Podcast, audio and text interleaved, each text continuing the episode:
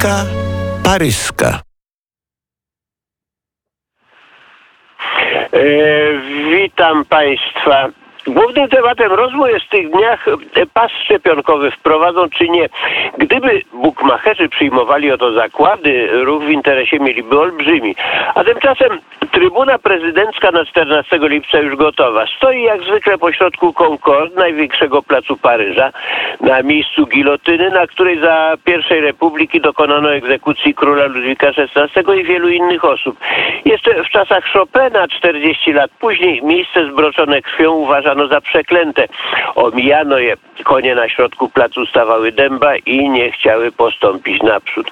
Poprzednio do wykonywania kar głównych wieszania, łamania kołem, rozrywania końmi, palenia na stosie, służył w Paryżu Place de Grève przed obecnym ratuszem. Miejsce na trybunę, podobnie jak wcześniej na gilotynę, wybrano ze względu na rozmiary placu. Tak jak dzisiaj Céline Dion, Jean-Jacques Goldman i Kelly Minoga wybierają Zenit, stadion Bercy albo pola marsowe, mogące pomieścić wielką ciżbę. Zanim piłka nożna nie zajęła umysłów, egzekucje publiczne były ulubioną rozrywką Paryżan. W ciągu dwóch lat na placu Concorde, wówczas placu rewolucji, ucięto 1119 głów przy udziale niezmiernie licznej widowni. Jako ostatni dali głowę na gilotynie pomysłodawca masowych egzekucji Robespierre i jego przyjaciele. Postać emblematyczna, prekursorska. Na długo przed Marksem, Leninem i Stalinem Robespierre wcielił w życie, a raczej, żeby należało, wcielił w śmierć. Przekonanie, że ludobójstwo eksterminacja jednej grupy ludności szlachty zapewni trwałe szczęście światu.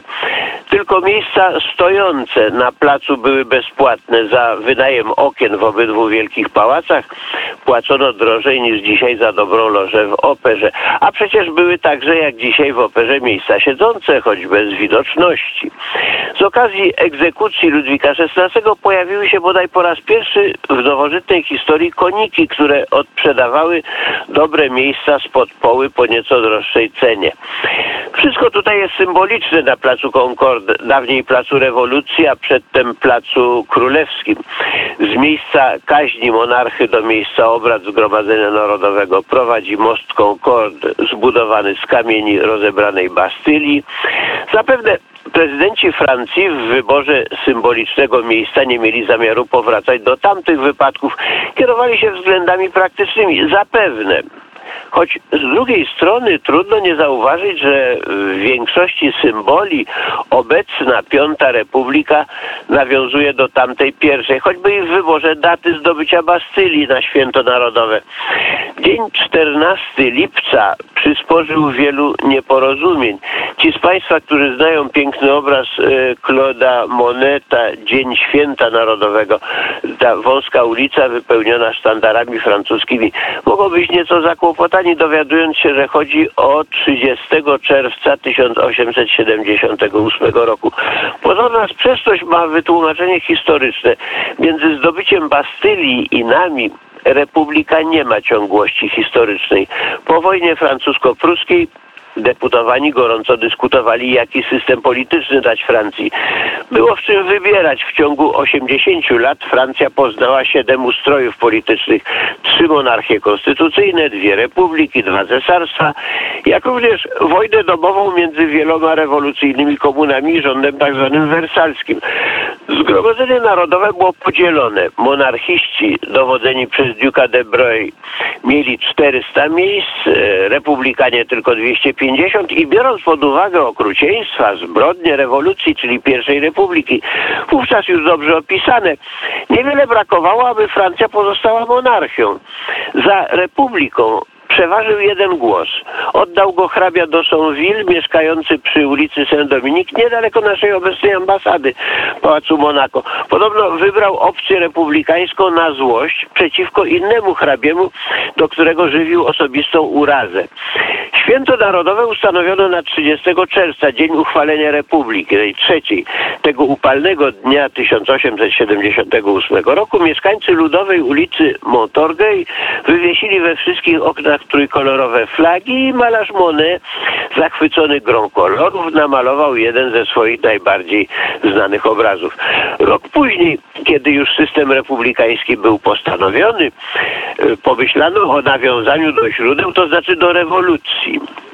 Co zatem będziemy świętować w Paryżu za tydzień 14 lipca? Zdobycie Bastylii, symbolu tyranii królewskiej? Wcale to nie jest oczywiste. Zbrodnie dokonane przez rewolucję w imię wolności były zbyt dobrze znane, aby posłowie zechcieli je hucznie czcić z orkiestrą i defiladą. Aby łatwiej uzyskać zgodę na 14 lipca, przewodniczący zgromadzenia zaproponował, aby ustanowić święto w nawiązaniu do daty o rok późniejszy, 14 lipca owszem, ale nie Bastylia, lecz święto Federacji, czyli jedności narodowej obchodzone na polach marsowych w 1790 roku bezkrwawo i z udziałem rodziny królewskiej. I tak uchwalono. A potem niepostrzeżenie powróciła Bastylia. Na stulecie rewolucji w 1889 urządzono wystawę wszechświatową w Paryżu i wybudowano wieżę Eiffla. Na dwustulecie w 1989 prezydent Mitterrand dał cały pakiet, filmy, odczyty, książki, zabawy ludowe. Stworzono nieprawdziwy obraz wielkiej rewolucji. Zmieciono monarchię, obalono przywileje związane z urodzeniem. Francję nazywa się dzisiaj monarchią republikańską albo republiką monarchiczną, na czele z prezydentem obdarzonym władzą większą niż wszystkich dziesięciu monarchów panujących aktualnie w Europie razem wziętych. Szlachty jest dzisiaj więcej niż kiedykolwiek. Przed rewolucją stanowiła 0,7% ludności, dzisiaj około 10%. A ponieważ w Republice nie ma urzędu królewskiej heroldii, nikt nie weryfikuje, czy te pretensje do szlachectwa są uzasadnione, czy nie. Podobnie jak w Polsce. Chyba, że chodzi o wielkie tytuły i wielkie nazwiska. W zeszłym roku 12 lutego Rada Państwa wypowiedziała się w niebanalnej aferze. Oddaliła żądanie Nicolas de Breuil, wymawia się Breuil, pisze się Broglie, urodzonego w 1987 roku o przywrócenie mu tytułu Duke'a. Pan Nikola, syn ósmego Duke'a de Breuil, miał nieszczęście urodzić się ze związku pozamałżeńskiego, po czym po śmierci ojca, który mu jednak, e, którego uznał, dał mu nazwisko, tytuł Duke'a przeszedł na jego stryja, brata zmarłego. Rada Państwa przewodniczona przewodniczona przez Rolanda Fabiusa, syna i bratanka wielkich antykwariuszy, wydając decyzję odwołała się do aktu nadania Ludwika XV z 1742 roku. Jest tam napisane, że cytuję, tytuł Duke'a de Breuil jest przekazywany wyłącznie najstarszemu potomkowi męskiemu zrodzonemu z legalnego małżeństwa. Jeżeli myślicie, że sprawa Duke'a de Breuil jest wyjątkowa w legislacji republikańskiej, to się myślicie. Nie tak dawno, bo w roku 1986 minister sprawiedliwości uznał oficjalnie tytuł markiza de Terob, w 1993 także markiza de la Charge, wicehrabiego de Quincy, w 1993 również i w tym samym roku tytuł Duca de Mortemar, a w 1999 Duca de Lorge. Bilety wizytowe ozdobione tytułami feudalnymi są w częstym użyciu w Republice. Jak więc Państwo widzą, nie wiemy dokładnie, jaki ustrój będziemy czcili za tydzień w dniu 14 lipca, ale mogę Państwa zapewnić, że uczynimy to hucznie, uroczyście, z muzyką i defiladą wojskową, po czym wypuścimy w niebo ognie sztuczne w Paryżu i każdej najmniejszej nawet wiosce francuskiej.